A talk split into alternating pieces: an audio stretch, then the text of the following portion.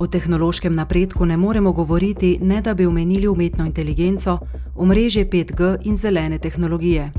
Boj za svetovno tehnološko prevlado postaja vse bolj napet, zato je Unija začela sprejemati odločnejše ukrepe. Evropska komisija je v ta namen začela leta 2020 izvajati industrijsko strategijo za Evropo. Z njo naj bi evropska industrija postala okolju prijaznejša, bolj digitalna in globalno konkurenčna, pridobila pa bi tudi več industrijske in strateške avtonomije. Dejstvo je, da Unija na področju kritičnih tehnologij zaostaja za drugimi svetovnimi akterji kot je Kitajska. Kot odziv na to vrzel v inovacijah ter proizvodnji in uporabi takih tehnologij je komisija pripravila predlog za vzpostavitev platforme za strateške tehnologije za Evropo.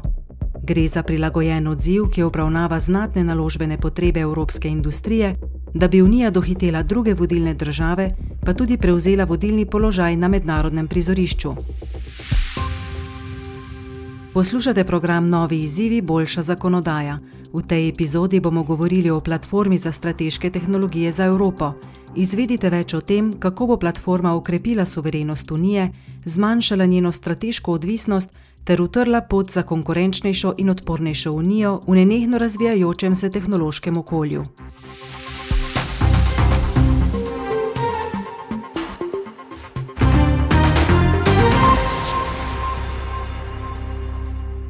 Države po vsem svetu sprejemajo posebne ukrepe, da bi podprle panoge, ki si prizadevajo za ničelno stopnjo neto emisij in razvoj digitalne tehnologije.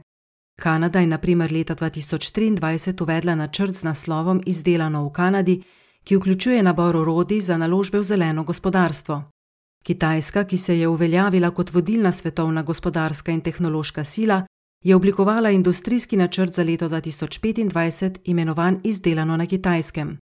Z njim želi povečati konkurenčnost, tako da ukrepi svetovno proizvodnjo, razvije nove tehnologije in zmanjša odvisnost od tujih dobaviteljev.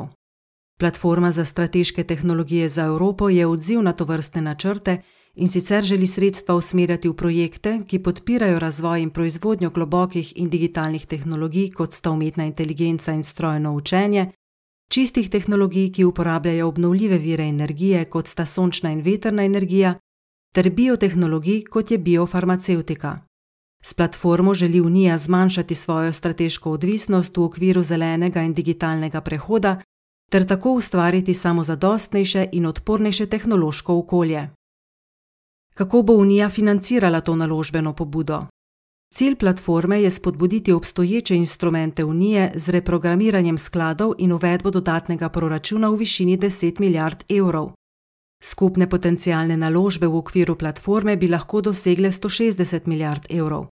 Komisija je v predlogu poudarila, da ima zanašanje predvsem na obstoječa evropska sredstva tri ključne prednosti in sicer hitrejše izplačevanje sredstev in več možnosti za kombiniranje virov financiranja, kar pa pomeni, da bodo sredstva unije učinkovito uporabljena. Ta finančna injekcija je namenjena strateškim projektom, ki spodbujajo razvoj digitalnih in zelenih tehnologij ter biotehnologij za spoprijemanje z izzivi na tem področju. Edinstvena značilnost te platforme je pečat suverenosti, torej oznaka za kakovost, ki jo bo komisija podelila projektom, ki prispevajo k ciljem platforme.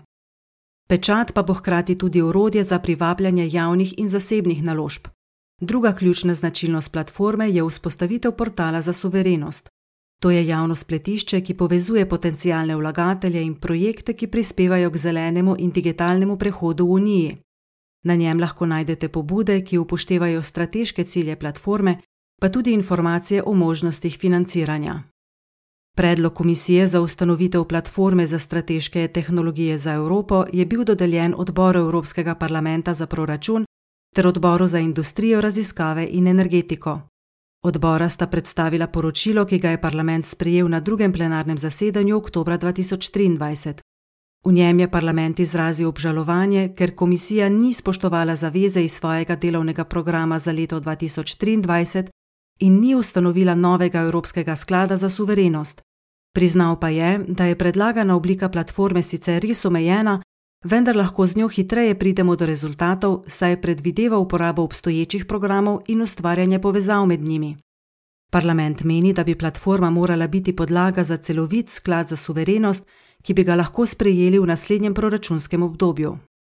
Platforma za strateške tehnologije za Evropo je torej več kot le mehanizem financiranja, saj gre za strukturni odziv na velike naložbene potrebe evropske industrije.